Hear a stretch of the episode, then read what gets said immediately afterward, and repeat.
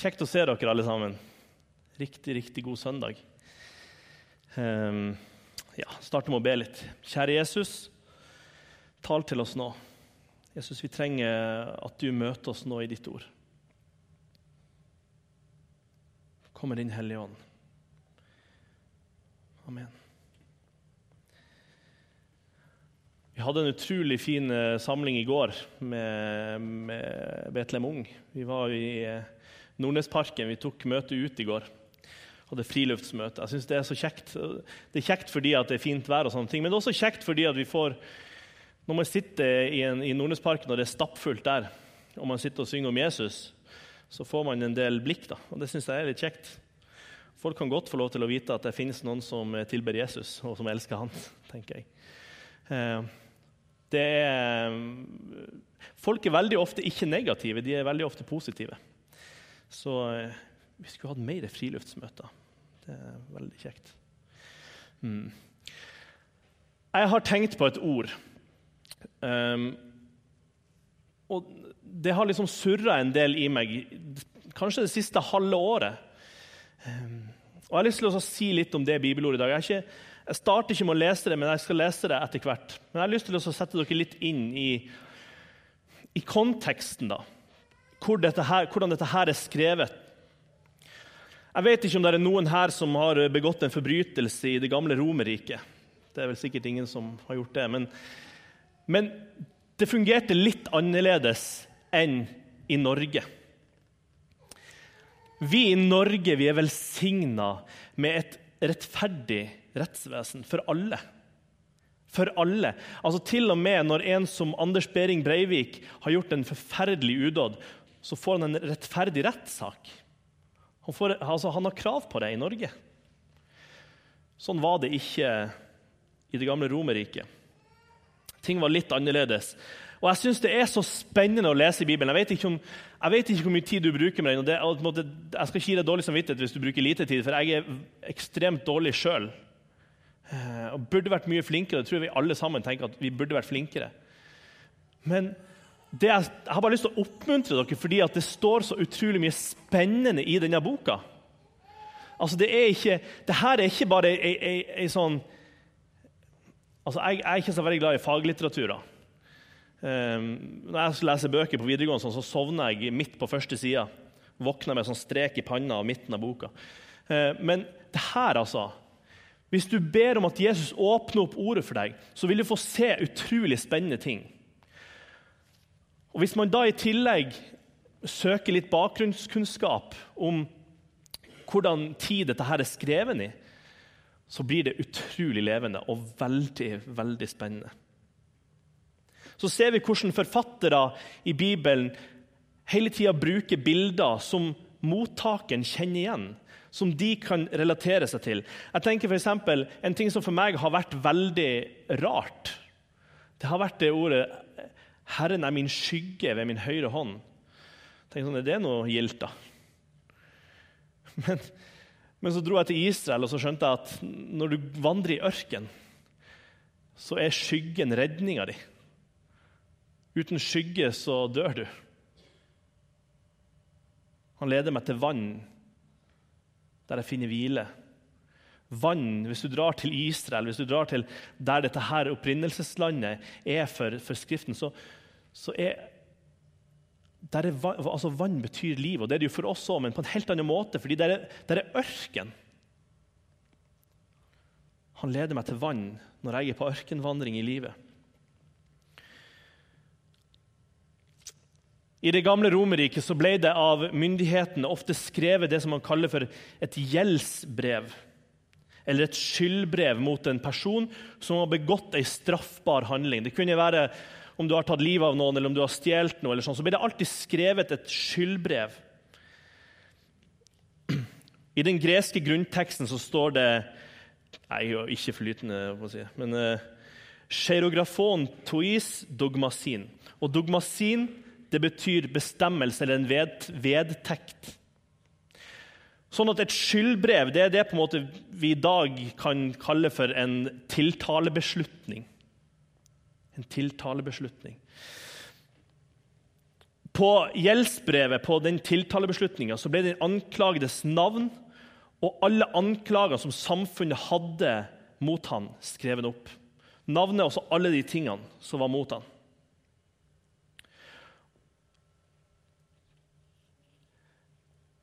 Du hadde egentlig ikke så mye valg når du fikk et sånt gjeldsbrev. For å gjenopprette forholdet til samfunnet så var du nødt til å betale det gjeldsbrevet på en eller annen måte. Det kunne være, det kunne være at du fikk en bot, eksempel, at du måtte betale med sølv eller gull. Det var veldig vanlig å måtte betale med, med sølvmynter eller gullmynter. Og han måtte betale tilbake det som han var skyldig. Gjeldsbrevet måtte gjenløses, så det heter. Ved domsavsigelsen bestemte dommen, retten som, hvilken dom denne skulle få som hadde begått lovbruddet, og hvordan det skulle kompenseres. Og Straffen ble skrevet nederst på gjeldsbrevet. Nederst på gjeldsbrevet sto straffen, altså navn, forbrytelsene, straff. Og dersom man måtte betale med sitt eget liv for å betale for det gjeldsbrevet, så var gjerne straffen ved korsfestelse.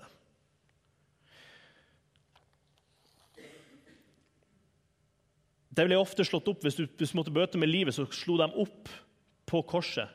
Over hodet så slo de opp denne, dette gjeldsbrevet ditt med alle punktene som mot deg, så folk kunne se hva du var anklaga for. Det ble kalt for en titulus. Dersom straffen skulle bli sona i fengsel, så slo de opp denne her, greia på gjeldsbrevet på, på fengselsdøra. Sånn at alle som gikk forbi, visste hva du hadde gjort galt. Eller i hvert fall hva du var anklaga for. Romerske myndigheter var svært nøye med å følge de reglene for de rettslige prosedyrene hvis du var romersk statsborger. Hvis ikke du var det, så hadde du veldig lite rett. Da kunne de dømme deg uten noe form for rettergang.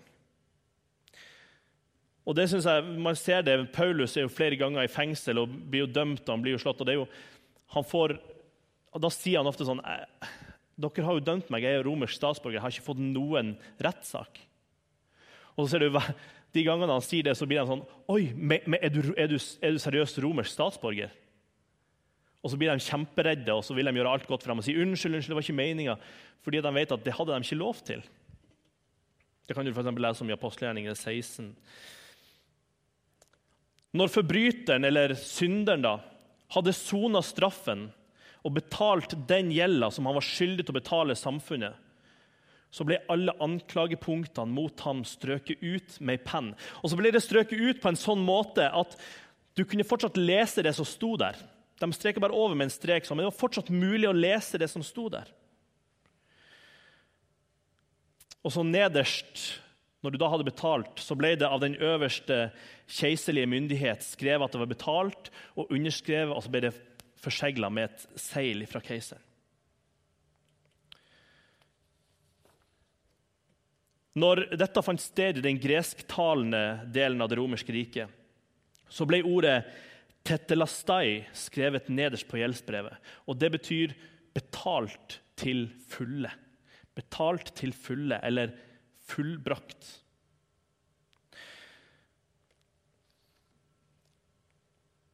Dersom den straffedømte skulle dø i fengselet, noe som ofte skjedde For det var jo altså det var ikke kjempegode sanitære forhold.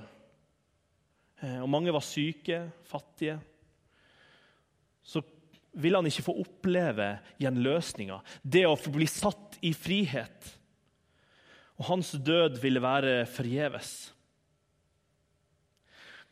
Kansellering av lista over hans synder og, den beseglinga av det gjenløste gjeldsbrevet ville ikke lenger være relevant. I overført betydning så ville han fortsatt han ville dø i sine synder, sjøl om han ga sitt liv. Helt meningsløst.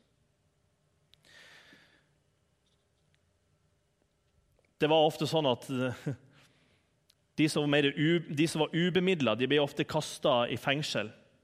Eh, og da var det, det var egentlig ensbetydende med dødsdommen. Det var en uunngåelig død. Og dersom den dømte sjøl ikke kunne betale gjelda si, så kunne han håpe på en løslatelse via noen andre. Det var eneste håpet de hadde hvis de hadde noen kontakter som hadde penger å betale for dem. Hvis de hadde noen som kunne betale en kausjon sånn at de kunne komme ut. Men for de aller fleste så var det helt umulig, og de visste at de satt der for å dø. De satt der for å dø. Etter å ha eh, betalt hele gjelda si, så fikk du skyldbrevet ditt. Vær så god. Dette kan du ha. Hvis det er noen som anklager deg, så kan du si at det er strøken ut, det er betalt, det er fullbrakt. Det er ingen som kan anklage deg for noe mer. Vær så god.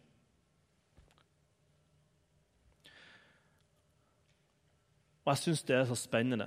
Jeg syns, ja, jeg syns det er, så spennende fordi at dette her dette er mitt skyldbrev. Det så ikke helt sånn ut, da. Men her står mitt navn. står det Arne Pareli. står det her. Og så står det at eh, du har brutt alle Guds bud. Samtlige. Det står har du brutt ett, så har du brutt alle. Og dette er mitt. Her sitter jeg fattig, alene. Jeg var uten noe form for mulighet til å kjøpe meg fri fra det. Dommen min var klar. Det var døden.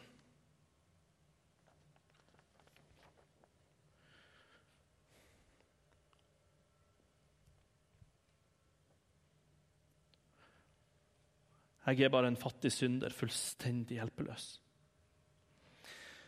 Men mens jeg satt i min dypeste fortvilelse, i min mørke og kalde celle, så kommer der en.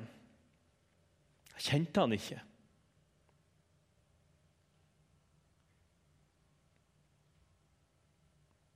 Jeg hadde gjort så mye galt. Jeg, uten at jeg visste det, så hadde jeg gjort så mye galt mot han også. Jeg sto med ryggen vendt mot han. Så kommer han og så sier han, 'Hør, jeg betaler det.' Jeg vet at du ikke har gjort noe for å fortjene det. Jeg vet at du ikke har gjort noe for meg som tilsier at jeg skal gjøre dette for deg. Men jeg vil gjøre det fordi jeg elsker deg. Så strøyk han ut hvert eneste punkt på den lista. Han betalte med sitt blod. Han døde i mitt sted og i ditt sted, sånn at han kunne stryke ut alt. Og Så satte han sitt seil til slutt og sa at det er betalt. Det er fullstendig og helt betalt.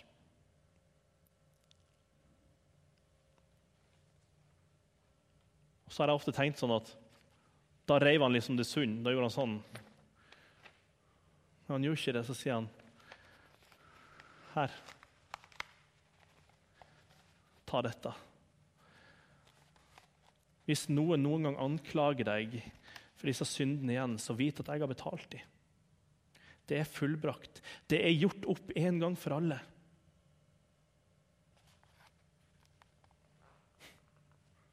Så kommer Satan. Han er hos meg ofte og sier sånn Husker du det du gjorde? Husker du det du tenkte? Husker du det du sa den gangen? Og så kan jeg si «Hm, ikke prøv deg. Jeg har det her. Jeg har det skriftlig. Jeg har det skriftlige, og det har du òg.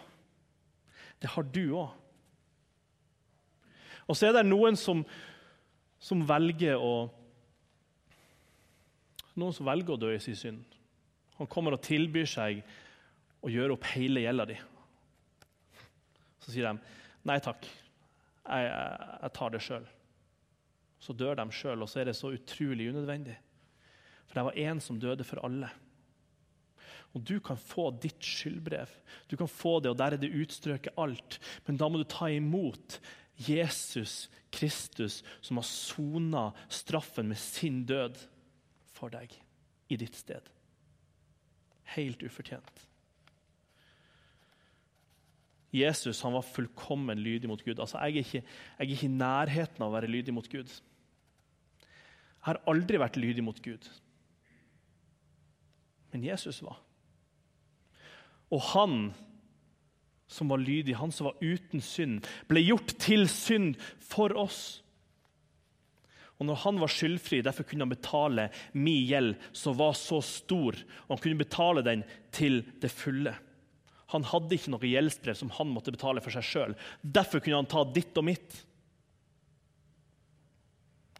Jeg synes det er spennende at Paulus bruker denne analogien når han skriver brev til menigheten i Colosseum. Jeg har lyst til å lese det.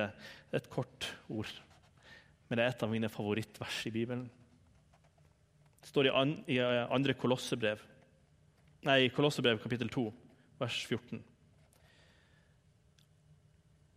Gjeldsbrevet mot oss slettet han. Det som var skrevet med lovbud, han tok det bort fra oss da han naglet det til korset. Da han naglet det til korset.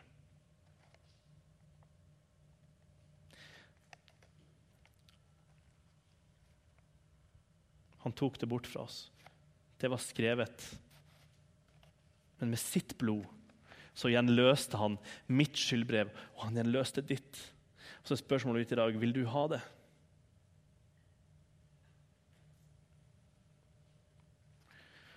Tenk for en salighet og fred.